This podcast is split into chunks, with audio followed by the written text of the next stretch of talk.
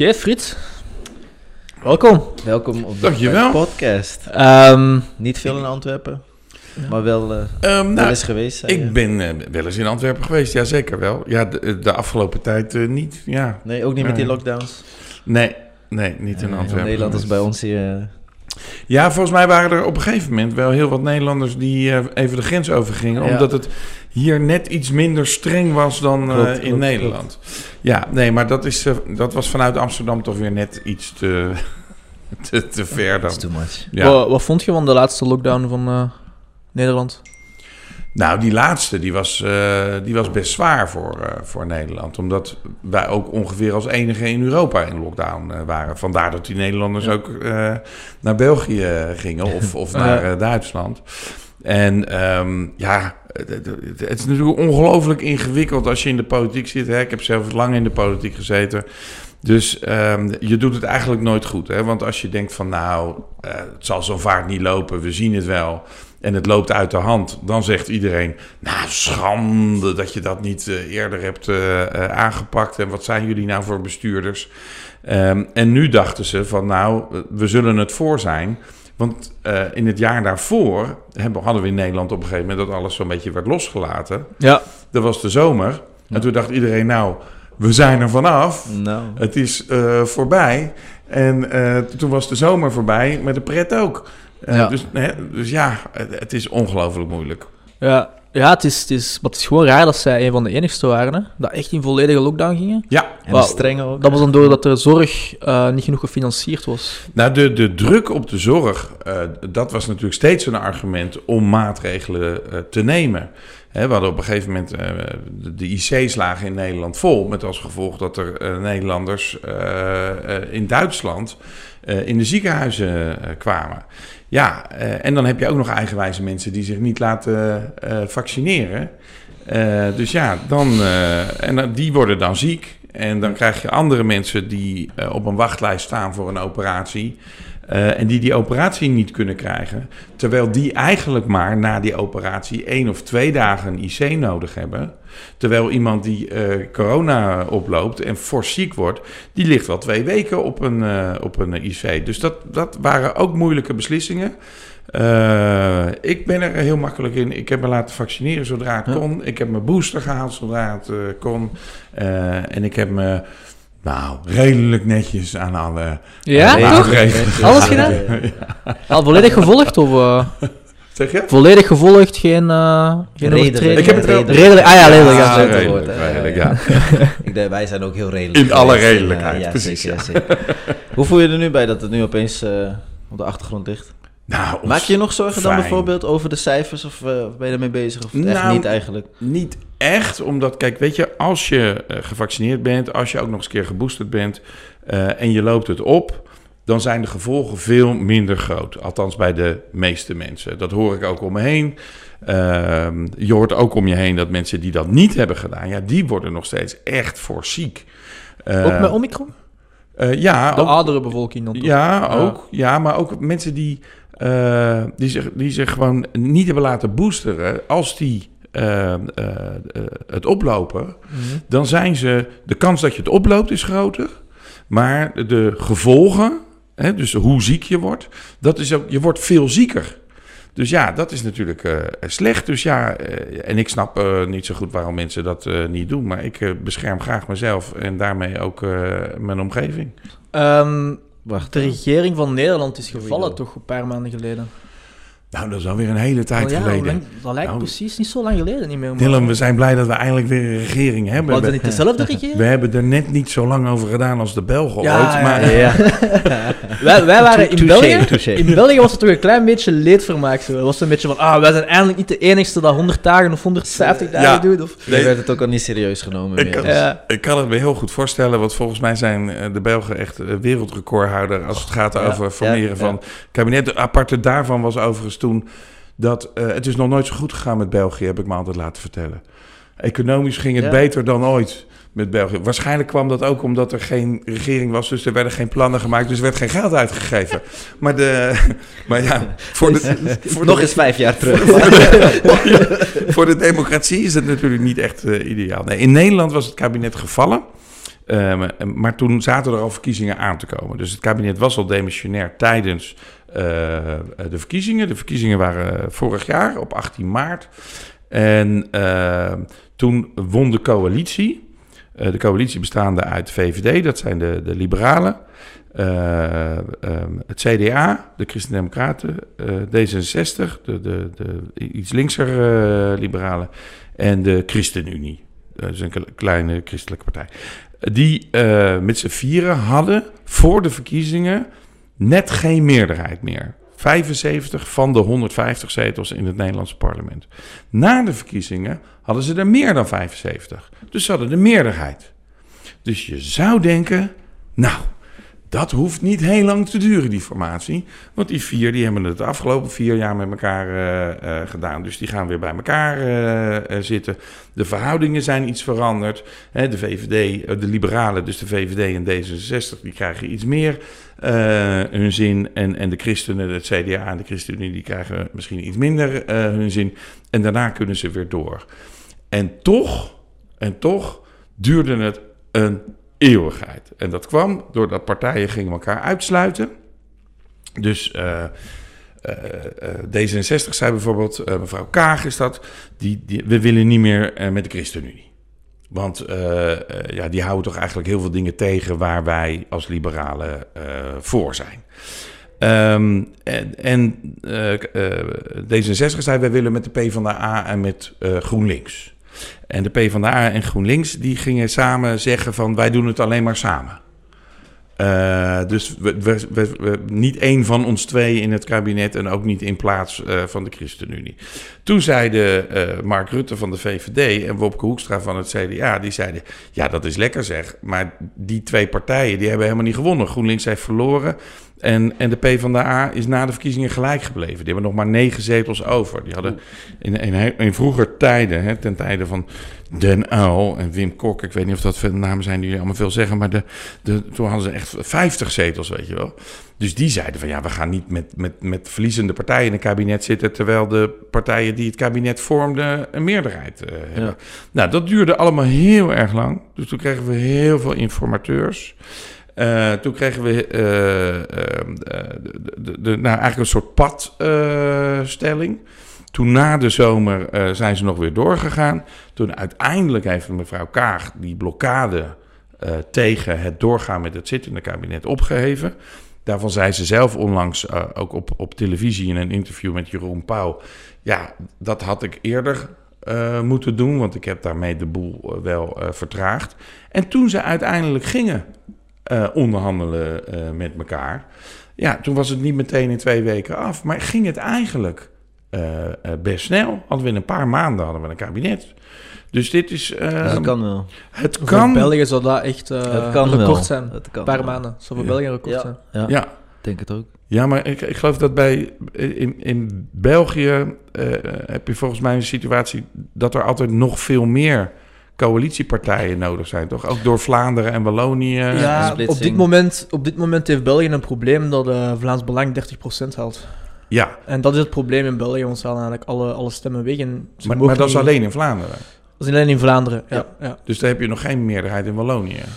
Ehm, ja, je hebt hier de Vlaamse regering en de Franstalige Waalse regering. Ja, En dan heb je ook de federale regering. Maar dan natuurlijk, ja, als er iemand met Vlaams Belang zou regeren in de Vlaamse regering, ja, dan worden die ook helemaal gecanceld in de federale regering. ja worden die daar weer eh, uitgesloten. ja, het is... Het, is, eh, het ding is, het grappige is, elke politieker dat we al hebben gehad op de show, en ik vraag van, ja, wanneer zijn de volgende verkiezingen? Ja. Die zeggen altijd, normaal 2024. Ja, normaal. Maar die, zijn, die gaan er al vanuit van, ja, Ja. dat halen we niet. En het Ja. probleem is, in België hebben ze een coalitie gevormd dat eigenlijk half en half aan elkaar hangt. Dus dat is eigenlijk, ze hebben alles bij elkaar gebracht om maar niet met rechts te regeren. Waardoor dat ze allemaal zogezegd toegevingen moeten doen, maar Ja. op los zand. En ja, nu zie je natuurlijk wel dat er... Corona heeft veel geholpen, want ja, alles ging over corona. Ja. Maar Ja, nu komen natuurlijk ja, kerncentrales open houden ja, ja. en al die dingen. En daaraan zie je wel dat is... dat Komen de verschillen weer bij. Hey, en, en hoe is het inmiddels? Want ik weet, vroeger was het zo dat met het Eurovisie Songfestival... het ene jaar mocht Wallonië wat insturen en het andere jaar hetzelfde. Vlaanderen. Nog altijd hetzelfde. Ja, Ja, en wat als, wat als er iemand wint? Want toen Sandra, Sandra Kiem won, ja. die België. won met Chemme Levy, die won voor Wallonië. Dus toen zei... voor België. Dat is voor Was voor België. België? Ja, Ook voor heel, voor Ja. heel België dan. Ja, Ja, het ja. blijft België. Want zij is ook heel, heel bekend en populair in Vlaanderen, in het Nederlandse Ja, gedeelte. en ze is in Nederland ook nog steeds... eh Ja, het nog. treedt nog steeds eh, Wat op, ja. ook. eh, Wat, ik wel, wat ik wel merk, is dat als artiesten van... of alles, sporters, atleten van Frankrijk, eh, van eh, Wallonië, die worden makkelijker geapprecieerd in België als ze Nederlands spreken. Of proberen Nederlands te Ja. spreken. Als we ja, dat denk ik ook wel, ja. Dat anders, dan is het iets moeilijker. Het is gewoon de taalbarrière. Het bijvoorbeeld- toch, Ja. eh, Tiam, Nafi Tiam, kent je haar? wie is dat? Zij, is, zij heeft twee keer goud gewonnen op de Olympische Spelen, de Oh, achtkamp. Oké. Zij is volledig, ja, allee, ja, alle Vlaanderen bekijkt haar als, als Belg. Ja. Eh, maar er zijn heel veel mensen die wij in Vlaanderen niet kennen van Wallonië, dat ook Belgen zijn eigenlijk, maar die dat wij totaal Oh, niet die ken- kennen jullie dan niet eens? Is echt een Maar, maar, maar weet je wel wat de inzending is van België voor het Eurovisie Songfestival? Ja, omdat we die eigenlijk probeerden uit te nodigen op de podcast eh, voor dat Oh ja? het Eurosong Festival. Goeie. Ik volg er echt niks van. Ik volg Maar, eh, Nee? Eurosong. eh, Nou, maar wat ik het interessante vond, was dat volgens mij toen Sandra Kim had gewonnen, toen, eh, dat was eigenlijk de, het jaar dat, de- dat Wallonië eh, de, het voortouw had. Ja. En toen was het het jaar later, mocht België het natuurlijk organiseren. Dus het was wel mooi, want dus die, die Walen die zeiden, nou wij hebben gewonnen, dus wij mogen het organiseren. Ja. En de Vlamingen die zeiden, ja dat is allemaal lekker met jullie, maar we doen het om het jaar en nu zijn wij. ik, word- ik, moest, oh. ik vind dat altijd zo'n mooi verhaal, maar ik weet niet of het 100% waar is. Ik had Ja, het ze dan wel gegund hoor. Dat vind ik wel een streek als je dat dan... Wel, als je wint, eigenlijk, als je wint. En dan komt de vraag nog, waar wordt het georganiseerd? Nou, dat was in Brussel. Dat, dat, Ah ja, ja, dat ook ja, bij dat, zijn. was, Ja, ja, ja. dat was wel slim ja, geregeld. ja. Ja, bij ons is Brussel ook nog een aparte... Je hebt Vlaanderen, Wallonië en dan Brussel. Ja. Ook zo een Ja, aparte... ja. Ah, een Zeg, eh, eh, mismatch. Yo, je hebt veel politiek gedaan. Ja. Hè? Ehm, JFK is een groot idool. Ja, ook. ik. Ja, Heb ja. je nog steeds een eh, foto van hem bij de inkom? Eh, ja, als je bij mij, eh, zo, als ja? je bij mij thuis binnenkomt, dan eh, in Ik de... heb een fragment gezien. in de eh, oh ja, ja. Ik ben niet zo creepy. Ja. eh. Ja, als je bij mij thuis binnenkomt in de hal, dan hangt daar inderdaad... Het eerste wat je ziet is eh, een portret van, eh, eh, van John F. Kennedy. Ja. En dat is het portret, eh, of een kopie van het eh, eh, portret natuurlijk... eh, zoals dat ook in het Witte Huis hangt. In het Witte Oh. Huis hangt van alle oud-presidenten eh, eh, hangt een, een, een schilderij.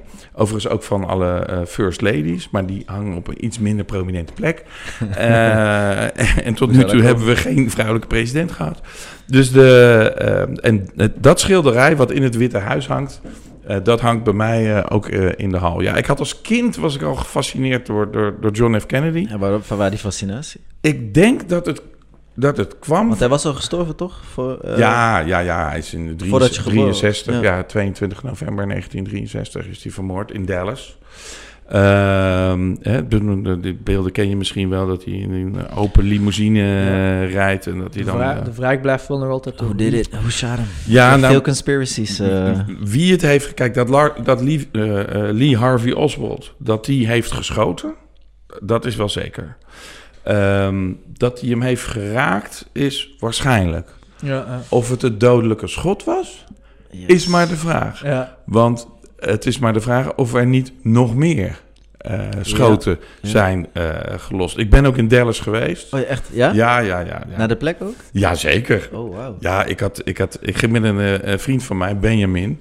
En ehm, ik belde hem op een gegeven moment op en zei: Benjamin, ik zeg, ik heb zo'n fantastische Airbnb gevonden in Dallas.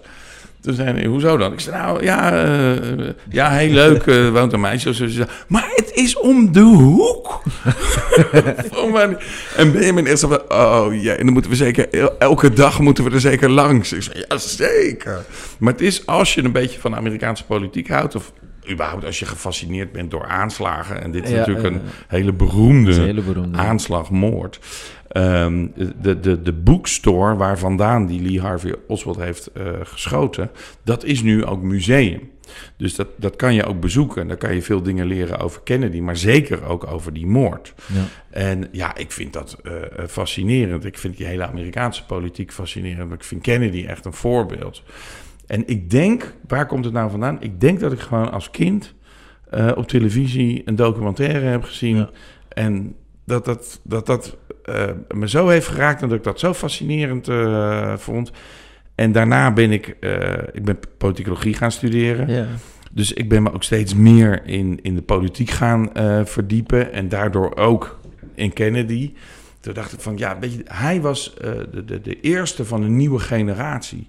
Hij was echt, toen hij werd gekozen, en hij werd maar heel nipt gekozen hè, door Nixon, die later alsnog Ja. president Nog is een redelijk eh, jonge geworden. president vergeleken met. Heel jong. Ja. Heel jong. Kijk, nu hebben we eh, Obama gehad en we hebben De Clinton jongste, denk eh, ik, toch gehad. geweest, toch? Ja, ja, denk het wel. Maar hij had iets magisch, hè? Maar dat, was, dat is magisch. Dat is en, iets en magisch, Heel jong. En was voor het eerst ook dat er kleine kinderen rondliepen in, in de White House. Ah, ja. Dat was nog, was nog nooit eh, eerder gebeurd. Dus voor die Amerikanen was het een, een, een man waar ze ongelooflijk veel eh, eh, hoop uithaalden. Ehm, moeilijke tijden, jaren zestig. Tegelijkertijd heeft hij ook, is hij ook de Vietnamoorlog eh, begonnen. Ehm, en, en, en hij heeft hem niet gestopt. Er waren grote problemen met rassenrellen. Hè. De, de, de, wij denken soms van dat, dat het hele slavernijverleden van Amerika... dat dat iets van heel lang geleden is. Maar Nee. zeker in Amerika is dat helemaal niet zo lang geleden. En toen Robert Kennedy werd vermoord, de broer eh, van JFK... in hetzelfde jaar eh, dat ook Martin Luther King werd vermoord. Nou, als je... Ik kan er hele colleges over geven, dat zou ik nu niet doen. Maar Andere aflevering, als je, maar als je naar Amerika gaat en je gaat naar Memphis, ga dan niet alleen naar het huis van Elvis Presley, want dat was ook in Memphis, Ja, ja, ja. maar ga ook naar het hotel waar eh, Martin Luther King eh, eh, is vermoord, ook door een scherp schutter. schutter, ja. Dat hotel is ook een museum.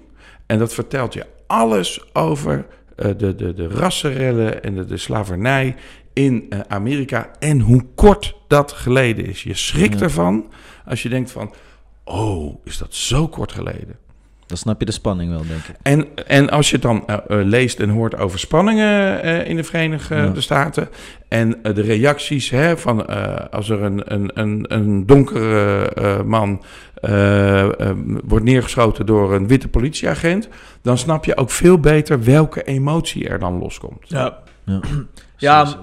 Amerika is ook heel, qua politie en zo, dat is ook heel anders, omdat die schieten veel sneller als in, in België. In België mocht je bijna niet schieten, of Het is in ook een heel money machine, hè, de police force. Ja, Dat het is... een- is- Maar dat is in Nederland natuurlijk ook zo. En dat komt ook omdat ze in Amerika zitten bijvoorbeeld de politieagent zit heel vaak in zijn eentje En ze hebben ook wapens. in een politieauto De- de- met een doorgeladen. Ja, maar ook het, het probleem is, het grote probleem in Amerika is dat je weet dat de kans groot is dat de persoon dat je achtervolgt een wapen heeft. Ja. En in België is de kans iets minder, Ja. maar daar weet je bijna iedereen kan een wapen hebben. Dus die politieagenten die staan al vol met adrenaline en die Ja. weten... Als politieagent in Amerika is totaal anders dan politieagent in België. Hè? Klopt. Maar, en dat, en dat hele wapenbezit is dus ook helemaal anders. Want in Amerika, hè, eh, op grond van, eh, van Het Wilde eh, Westen, ik geloof artikel 2, eh, vinden ze dat ze allemaal een wapen mogen hebben. Ja. Wij denken daar af en toe te makkelijk over. Want wij zouden zeggen van nou, schaf het gewoon af. Maar als jij in je eentje op een eh, boerderij in de, in de, in de Midwest eh, woont eh, met, je, met je gezinnetje... ehm, dan wil jij je wel kunnen beschermen, want dan is de politie er niet als je belt. Ja. Ehm, dus, dus voor die situaties is het logisch. Alleen in Amerika is het natuurlijk volledig uit de hand gelopen. Want met een beroep op die bescherming van, van, van bezit en, en gezin... koopt iedereen een, een, een, een veel te ja. zwaar... Ja, een veel te zwaar eh, wapen. En als iemand dan doorslaat, ja, dan schiet hij eh, hele, hele eh, klaslokalen eh, overhoop. Dat is echt een heel groot probleem. Democraten vechten er al heel lang tegen, tegen dat vrije wapenbezit. Republikeinen zitten altijd aan de kant van, eh, van de NFIA, heet dat volgens mij. Ja, ja, ja. Eh, de, de- en ja, dat, dat, dat is. Ja, ik vind Amerika een heel interessant eh, en ook een heel gaaf eh, land. Ik vind het heel gaaf om daar eh, te zijn. Maar ik heb nooit de neiging gehad van, oh, ik moet daar gaan wonen. Nee, hè, dat net... Ja, Ja, ik heb, eh, ik heb twee jaar in Los Angeles gewoond. Ja, kijk. En eh, ik kan u zeggen, veel mensen denken, oh, it's paradise.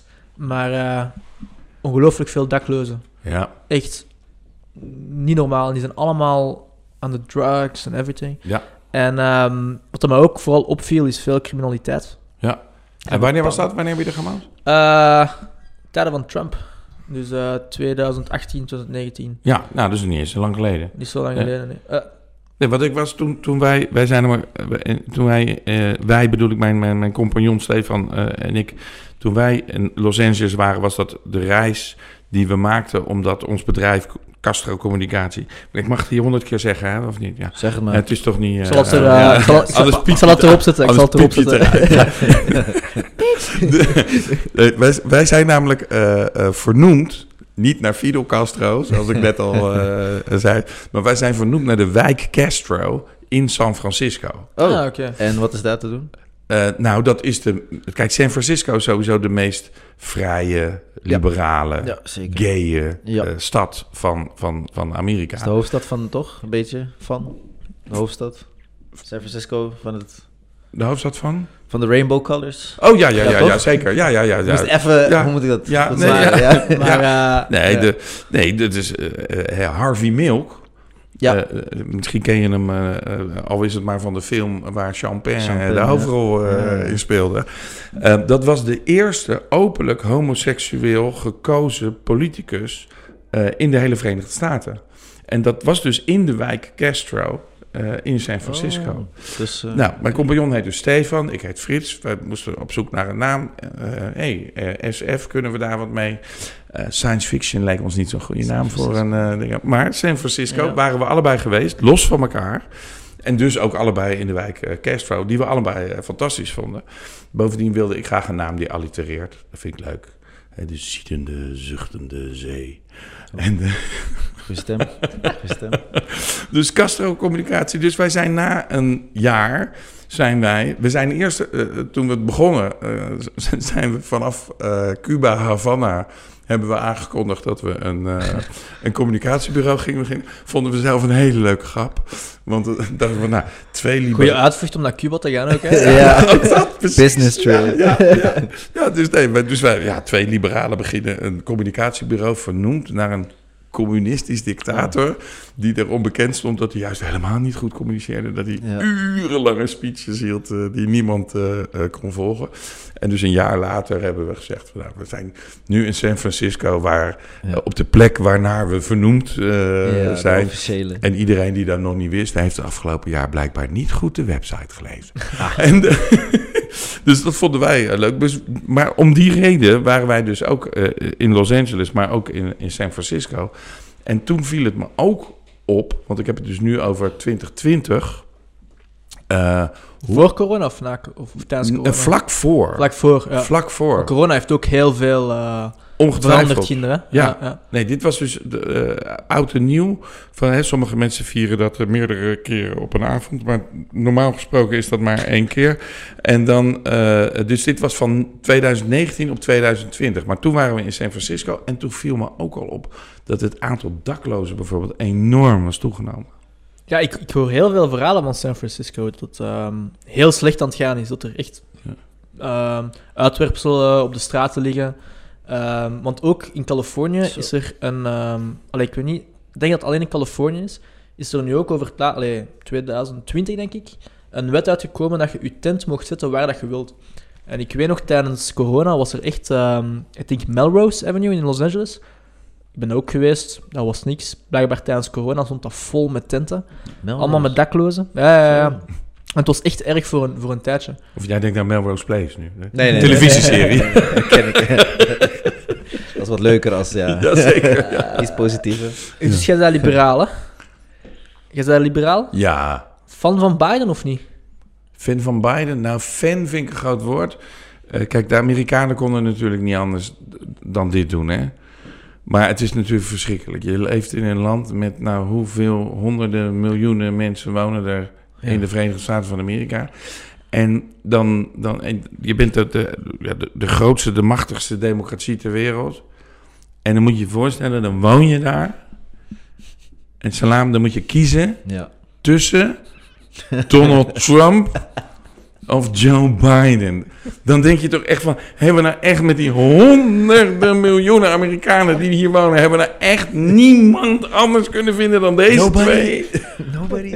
Het is toch verschrikkelijk? Ja, nee, maar kijk, ik, ik vond Trump natuurlijk, dit is natuurlijk eh, is een ramp. Het was wel geweldig. Om de persconferenties te zien. Het It was, was entertainment. Ja, it was awesome. entertainment. Ja, het- Amerika op zijn best. nee. Want ik word gewoon nerveus van Biden. Sorry. Ik, echt. Uh, uh, Maar- uh, you go to the McDonald's and then you, you, you go and sit on the street. And, and, and- ik zie gewoon dat iemand niet weet wat hij zegt. En dat zie je gewoon. Dat snap erg. ik ook, maar...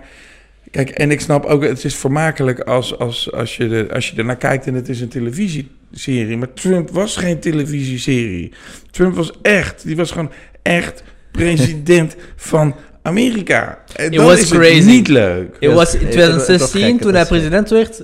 It was like, is this real or am I Ja, dreaming? echt. Nee, ja, maar het, het mooie is natuurlijk ook, de, Amerikanen zijn Black natuurlijk altijd goed ook in een, in een politieke series Ja, eh, maken. Hè?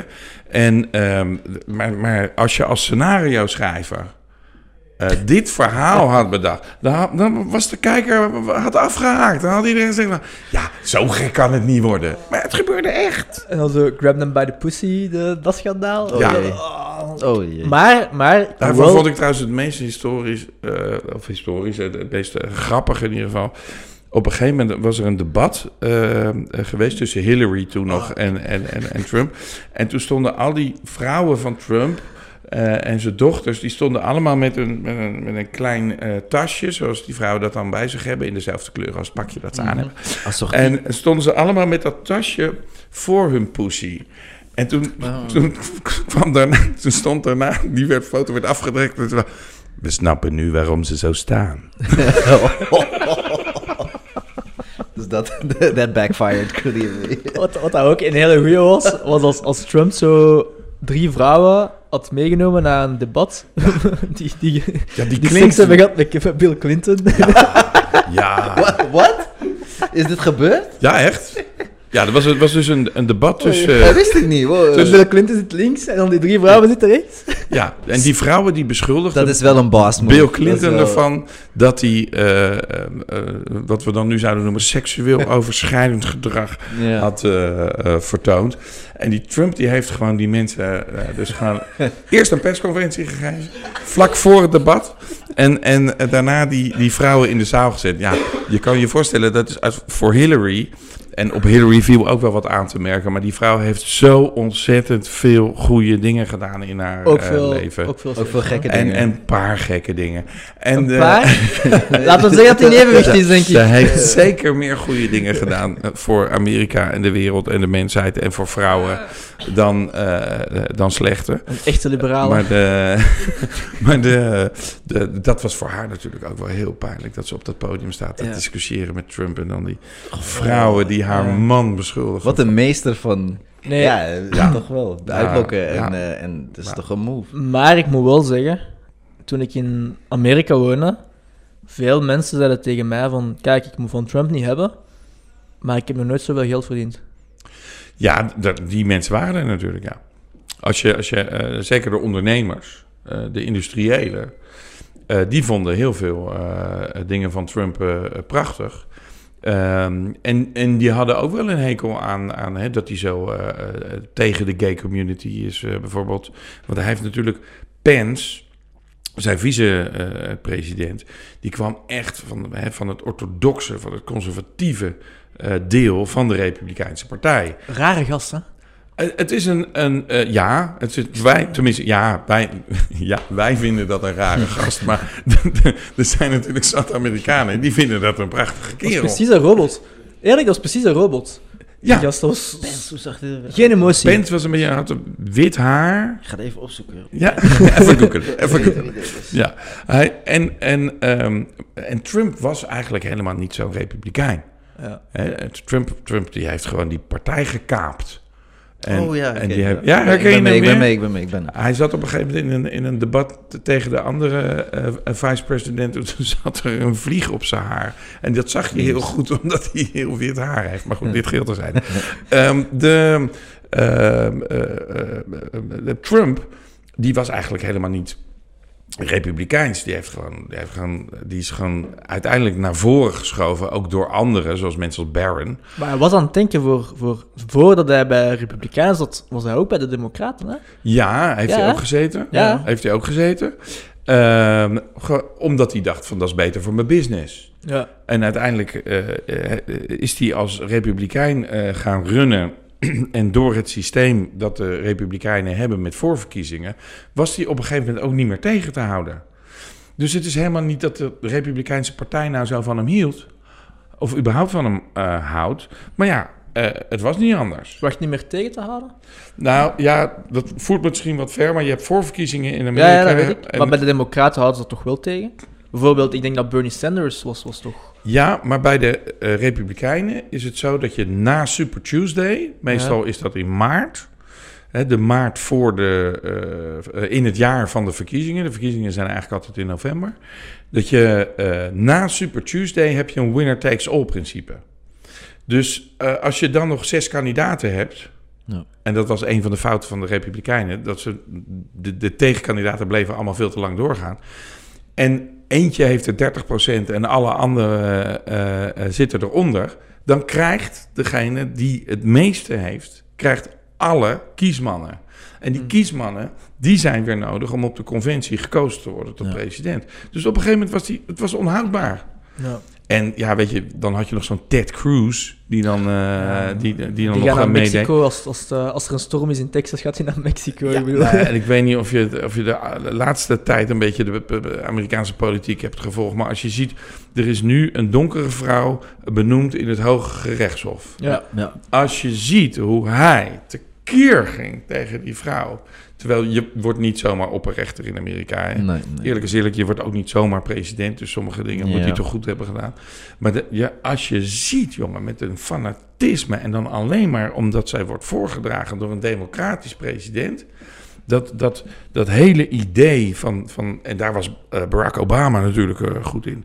Die zei van, eh, ja, er zijn geen blue states. Er zijn geen red states. Ja, Eh, allemaal samen. We're, ja, the- they're only the United States. Maar inmiddels hebben we niet meer de United States. We hebben de Divided States of America. Dat is nog verder dan ooit nu. Ja, zeker. Eh, ja, we hebben nu al eh, heel lang over Amerika gepraat. Ja, sorry. Maar ik wil nog eens even hebben over... eh, Nee, ik vind het Trump geweldig. is altijd grappig. En eh, na de podcast wil ik echt nog verder babbelen daarover. Eh, maar ehm, een paar maanden geleden had ik gezien dat de burgemeester van eh, Amsterdam zei dat ze ehm, de wietbusiness in Amsterdam wat plat. Voor toeristen, denk ik, hè, dat was. En ehm, ja, dat is toch wel een raar... dat is toch juist de trekpleister Ja, van? Onder andere. want jij hebt daar ook veel mee te maken, andere. niet? Van, van de volledige Amsterdam entertainment soort of? Ja, nou, ik ben wethouder eh, geweest in Amsterdam en Ja. deed toen economische zaken. En vanuit economische zaken deed ik ook city marketing. Dus eh, de, de, de hele campagne van I Amsterdam, eh, eh, die we gebruiken sinds eh, eh, 2004, 2005, eh, die hebben we ingevoerd toen ik eh, eh, wethouder was. Ehm, en dat was toen, je kan het je bijna niet meer voorstellen, maar dat was omdat er te weinig mensen in Amsterdam wilden wonen, te weinig Zo. mensen in Amsterdam wilden ondernemen en er te weinig mensen Amsterdam wilden bezoeken. Waarom was dat, denk je? Ehm, nou ja, Amsterdam was gewoon niet zo populair, eh, ook omdat ze zichzelf niet goed eh, op de kaart zetten Ja. zichzelf niet goed verkocht. Eh, en ja, op een gegeven moment heb je heel veel keus. En toen op een gegeven moment het ijzeren gordijn viel en we overal naartoe konden, de vliegtickets steeds goedkoper Ja. werden. Mijn moeder zei vroeger wel eens, en dat zei ze dan een beetje op een verwijtende toon. Ze zei, nou, jij pakt een vliegtuig alsof het een bus is. En zei ik van, ja, maar, maar wat tegenwoordig Ja, is dat ook zo? Je kunt goedkoper vliegen als met de trein te gaan. Ja, Vroeger, voor corona. Ja. Nu, eh, Ja, nou ja, ik vind, ik ik vind met de trein reizen heerlijk. Eh, Ik ben nu ook met de trein. Ehm, eh, Oh, hier maar, zo niet hoor. Maar ik vind het... Nou, ik vind, het een, ik, vind het, ik vind de trein een heel fijn eh, eh, vervoermiddel. Ik ga veel liever met de trein. Zijn ze op tijd in ik Nederland? in Nederland zijn, eh, zijn ze eh, Meer bijna hier. allemaal Meer op tijd. Ja, Meer is dat hier. zo? Ja, eerst... Die zijn ze altijd te laat. Oh ja. Als er één sneeuwvlokje valt, is heel het netwerk... Ja, oké. nou nee, ik vind dus... We hebben in Nederland echt fantastisch openbaar vervoer. En de mensen die erover klagen, zijn meestal mensen die er nooit in zitten. Ja, ja. Dus die, zijn, die hebben altijd een mening daarover. En dan denk je van, wat weet je er nou van? Het is, en het is ook een beetje selectieve waarneming. Hè? Want als je nooit met de trein gaat en je gaat een keer... zal je zien dat die vertraging heeft. ja, ja. toevallig. Maar als je dat elke dag gebruikt, dan denk je van... nou ja, oké, die ene dag dat die trein... eh, Kan gebeuren. ja, bovendien is het ook een beetje van ja, het is je, je, je, je stressniveau. Hè? Ik bedoel, je kan ook wat eerder van eh, huis gaan. Je kan er, en, en denk er ook maar eens aan. Weet je, als, als we in het buitenland zijn, als we als toeristen ergens zijn. Als ik in, in Londen ben en, en ik ga met de metro, dan, dan interesseert het me helemaal niks. eh, of, die, Ja. of die metro wel of niet op tijd rijdt. Eh, maar ik vind het wel belangrijk dat die komt. Ja. Maar als ik dan vijf Maar dat is soms ook moeilijk hier. als ik vijf minuten moet... Ja, nee, dan heb je een probleem. Ja. Dan heb je een probleem. Nee, dus het is ook een beetje een mindset, eh, denk ik wel. Maar goed, ik vind, nee, ik vind dus... eh, we hebben heel goed openbaar eh, vervoer in Nederland. En ze rijden over het algemeen wel op tijd. Dan I Amsterdam. nee, want we, nee, maar nu, nu passen... Ja, want anders lopen we bijna jouw vraag voorbij. De burgemeester, Femke Halsema, die heeft op een gegeven moment gezegd van... en dat is eigenlijk in lijn met wat ik ook al had voorgesteld. Dus ik vind eigenlijk dat ze daar heel goed voorstel heeft gedaan. Amsterdam hoeven we niet te promoten als de stad van eh coffeeshops en, en de Red Light eh, District. Want wie daarvoor komt, wie daarin geïnteresseerd is, die weet Amsterdam heel goed te vinden. En- Algemeen geweten. Ja, ja, ja. Waarom denk je dat wij naar Amsterdam gaan? ja, ja. Niet van Misha. eh. Ja, ja. Ah. Oh, is recht in zijn hart. Ja. Nee. Nou, ik moet je zeggen, van, ik vind het juist altijd wel grappig als, er, als je dan Italianen tegenkomt bijvoorbeeld. En die, die staan dan met een, met een kaart van Amsterdam eh, eh, voor hun borst. Eh, of tegenwoordig op de telefoon dat ze gaan zeggen van... eh, en dan vragen ze van, eh, kun je me uitleggen waar de Dam is? En dan ik, ja, dat kan ik wel uitleggen. Van, eh, dan moet je zo lopen en dan moet je zo lopen. En dan ben je op de Dam. En dan daarachter zit de Red Light District. en, dan, en dan krijgen ze allemaal, krijgen ze allemaal een enorme rode kop. En dan ze, ja, neem een ander in de maling. Waarom zou jij naar de Dam willen? maar goed, Oh, die is grappig. Maar daarvoor, eh, daarvoor is Amsterdam in ieder geval bekend genoeg. En wat je nu eh, eh, hebt gezien in, in, de, in de afgelopen ja, eh, jaren, decennium, is dat het op sommige plekken uit de hand is gelopen. In de Haarlemmerstraat heb je acht coffeeshops op een rij zitten. Zo. Ja, een weet beetje je, over- Ja, van de ene naar de andere, naar de andere, naar de andere. Als je daar woont, hoef je dus nooit drugs Ah te ja, kopen. ja, ja, ja. Je wordt gewoon al high Je bent, er- dan ben je altijd high. openzetten. Ja.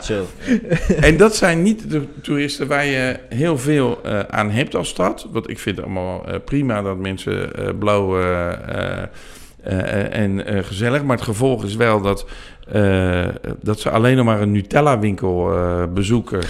Want, want honger hebben ze natuurlijk niet. En drinken doen ze ook bijna niet. En tegen de tijd dat ze op de wallen zijn, hebben ze natuurlijk een veel te zware joint gerookt. Dus ze kotsen je, je, je, je, je, je straat Ze eh, zouden onder. preventief bakken moeten Ze neerzetten. Pissen in je Ja. portiek. En ze van, ja, en dan denk ik van kom op, je bent te gast. Als ik ergens te gast ben, dan eh, gedraag ik me eh, nou, nog net iets netter dan thuis. Maar ja, maar Amsterdam heeft wel die image van... Ja, maar als je Een beetje daar... Las Vegas-achtig, hè? Ja, maar als je daar dus van af wil, dan moet je ook zeggen van nou, we gaan dat eh, eh, beperken.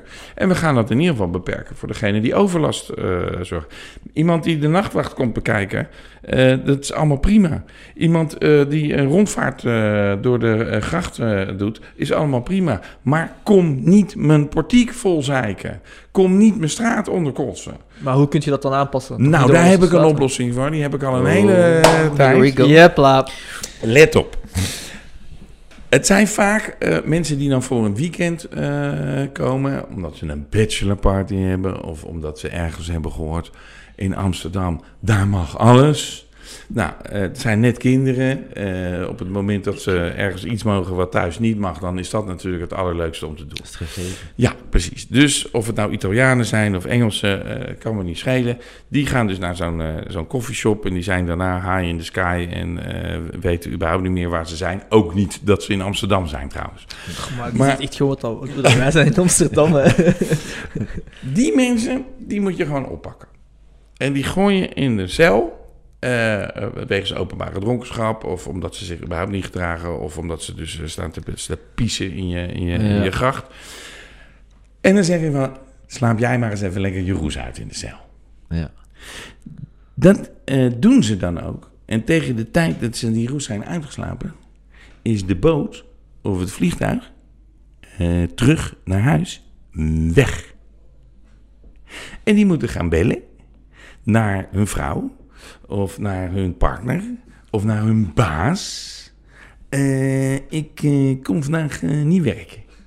En waarom is dat? Ja, ik, ben in de cel beland. Oh, wat heb je crimineel gedrag vertoond? Nee, ik heb me gewoon niet gedragen. Ik ben hier te gast, maar ik heb me niet als gast gedragen. Ja, vonden ze niet zo leuk.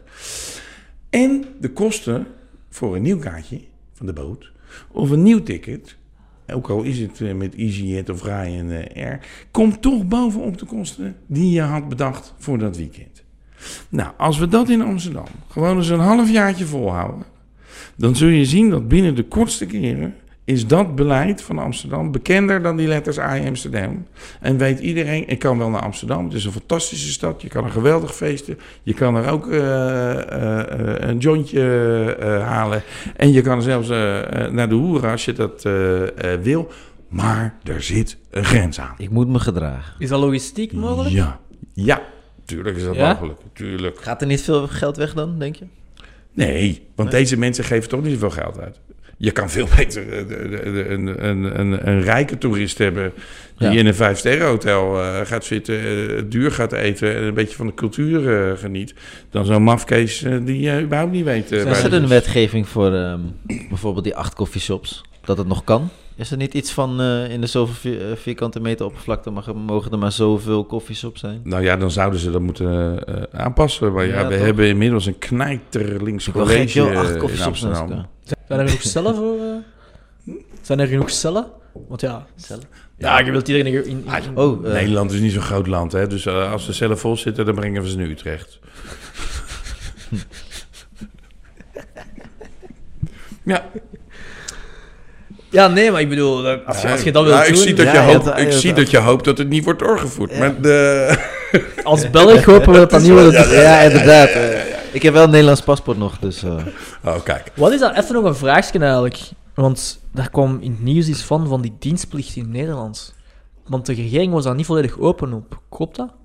Dus met de Oekraïne kwam er ineens dat er een, uiteindelijk een, een opkomstplicht was, maar geen dienstplicht? Of hoe zit dat? Nou, in Nederland hebben we heel lang eh, dienstplicht eh, eh, gehad.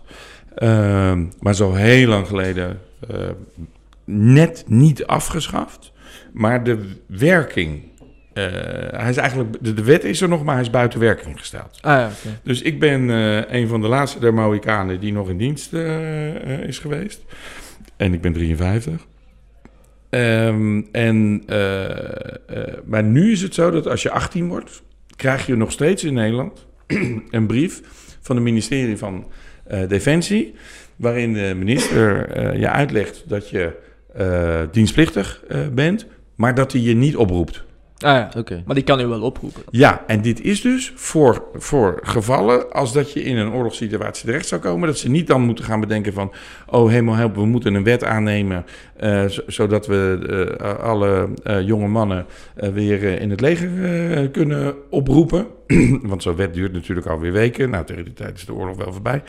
Ehm, dus die wet, die kunnen ze weer eh, in werking stellen eh, als dat nodig is. Nou, we weten allemaal de situatie in de Oekraïne eh, nu.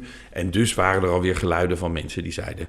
oh, moeten we die wet niet in eh, werking stellen? Het leek me wat overdreven hè? Ja. reactie. Ja. Ja, het is niet NATO, hè. Voorlopig. Oekraïne. Oekraïne. Ja. Nee, maar wat daar gebeurt is natuurlijk vreselijk. En wat, er, wat, er, wat vooral vreselijk is, is dat de- eigenlijk hebben we ons toch allemaal of laat ik in ieder geval voor mezelf spreken. Ik heb me steeds laten vertellen. Ja, die Poetin is wel eh, zo'n blaffende hond, maar die bijt niet. Want, want zo gek is die niet. En elke keer dat we dachten van, eh, nou, nou, dit gaat ook ver. Nee, zo gek is die niet. We hebben hem de Krim laten inpikken. Toen we, ja, maar dat, zit, ja, dat is ook wel logisch, want hij heeft natuurlijk eh, marine. En als hij, ja, als hij de. Krim niet heeft, dan, dan kan hij hem niet in de Zwarte Zee leggen. Ehm, en, en uiteindelijk eh, zie je dus dat iemand niet eh, ophoudt totdat je hem echt stopt. Ehm, en, en, eh, en nu is dat met name het Oekraïense volk. En ik weet niet of jullie dat hebben gelezen, maar ik las toevallig gisteren een artikel. Ik weet niet meer helemaal zeker waar. Volgens mij was het 360 graden. en een, een Russische militair, een Russische dienstplichtig militair, die dacht dat hij eh, op oefening ging Nee. Ja. op oefening ging.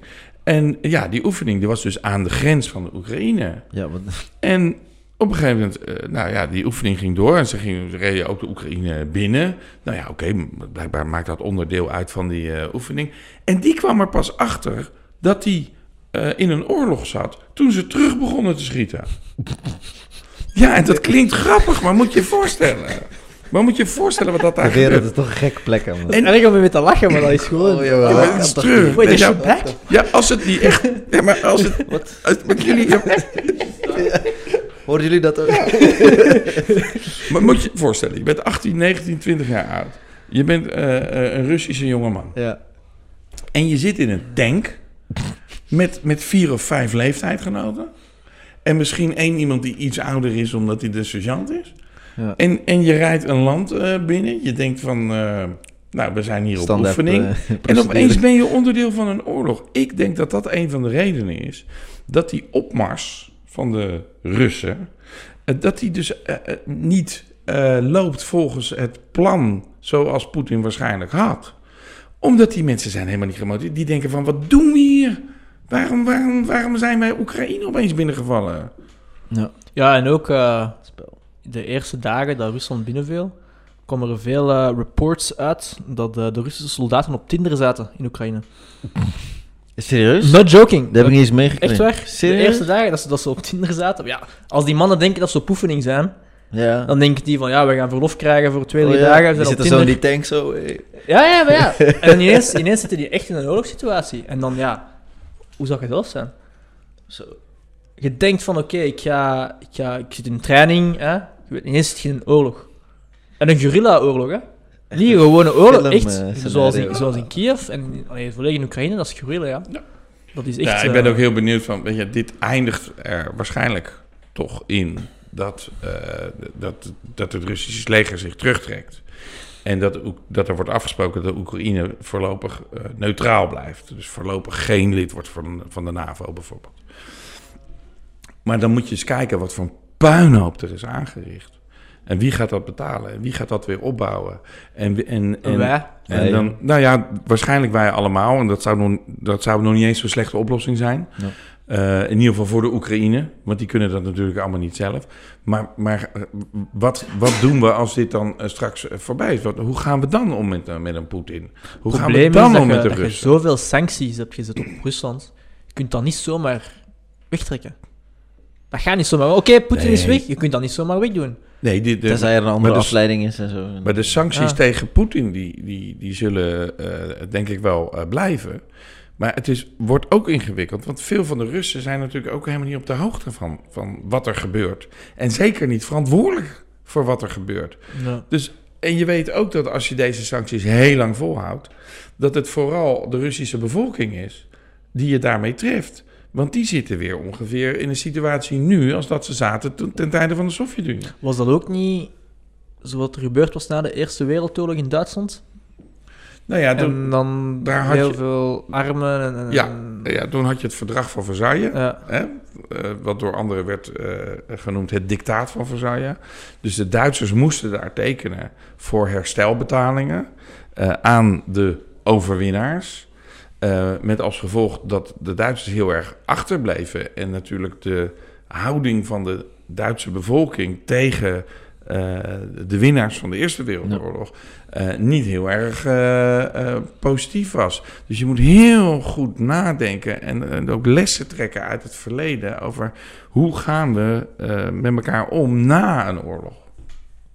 Dat is een mooi einde, want we zijn eigenlijk al langer dan 45 Pot, minuten aan Jan, het babbelen. we zijn net begonnen. Ja, ik ja, ik zou, ik zou nog, nog, eh, ik zou nog kunnen praten. Frits, ik wil echt bedanken om helemaal van Amsterdam naar hier te komen. Ja. Dankjewel, Dylan. Kom je nog terug? Ja, Kom je zo ver is het niet. Nee, nee, nee, wij komen naar terug? hem. Ja, wij ja. komen naar hem. Ja. Oh ja, ook. wij gaan naar Amsterdam. Ja, Ja, we gaan eh. Amsterdam opnemen, dan doen we u zeker nog eens uit. Nou, gezellig. Ehm, fijne reis terug. Ja, Veel veel, succes eh, nog. Dank je. En eh, ik zal zeker zeggen, tot de volgende. Ja, Nou, hartstikke dankjewel. goed. Dank jullie wel eh, dat ik hier te gast mocht zijn. En eh, veel succes eh, met jullie podcast. Dankjewel. Dankjewel, tot de volgende.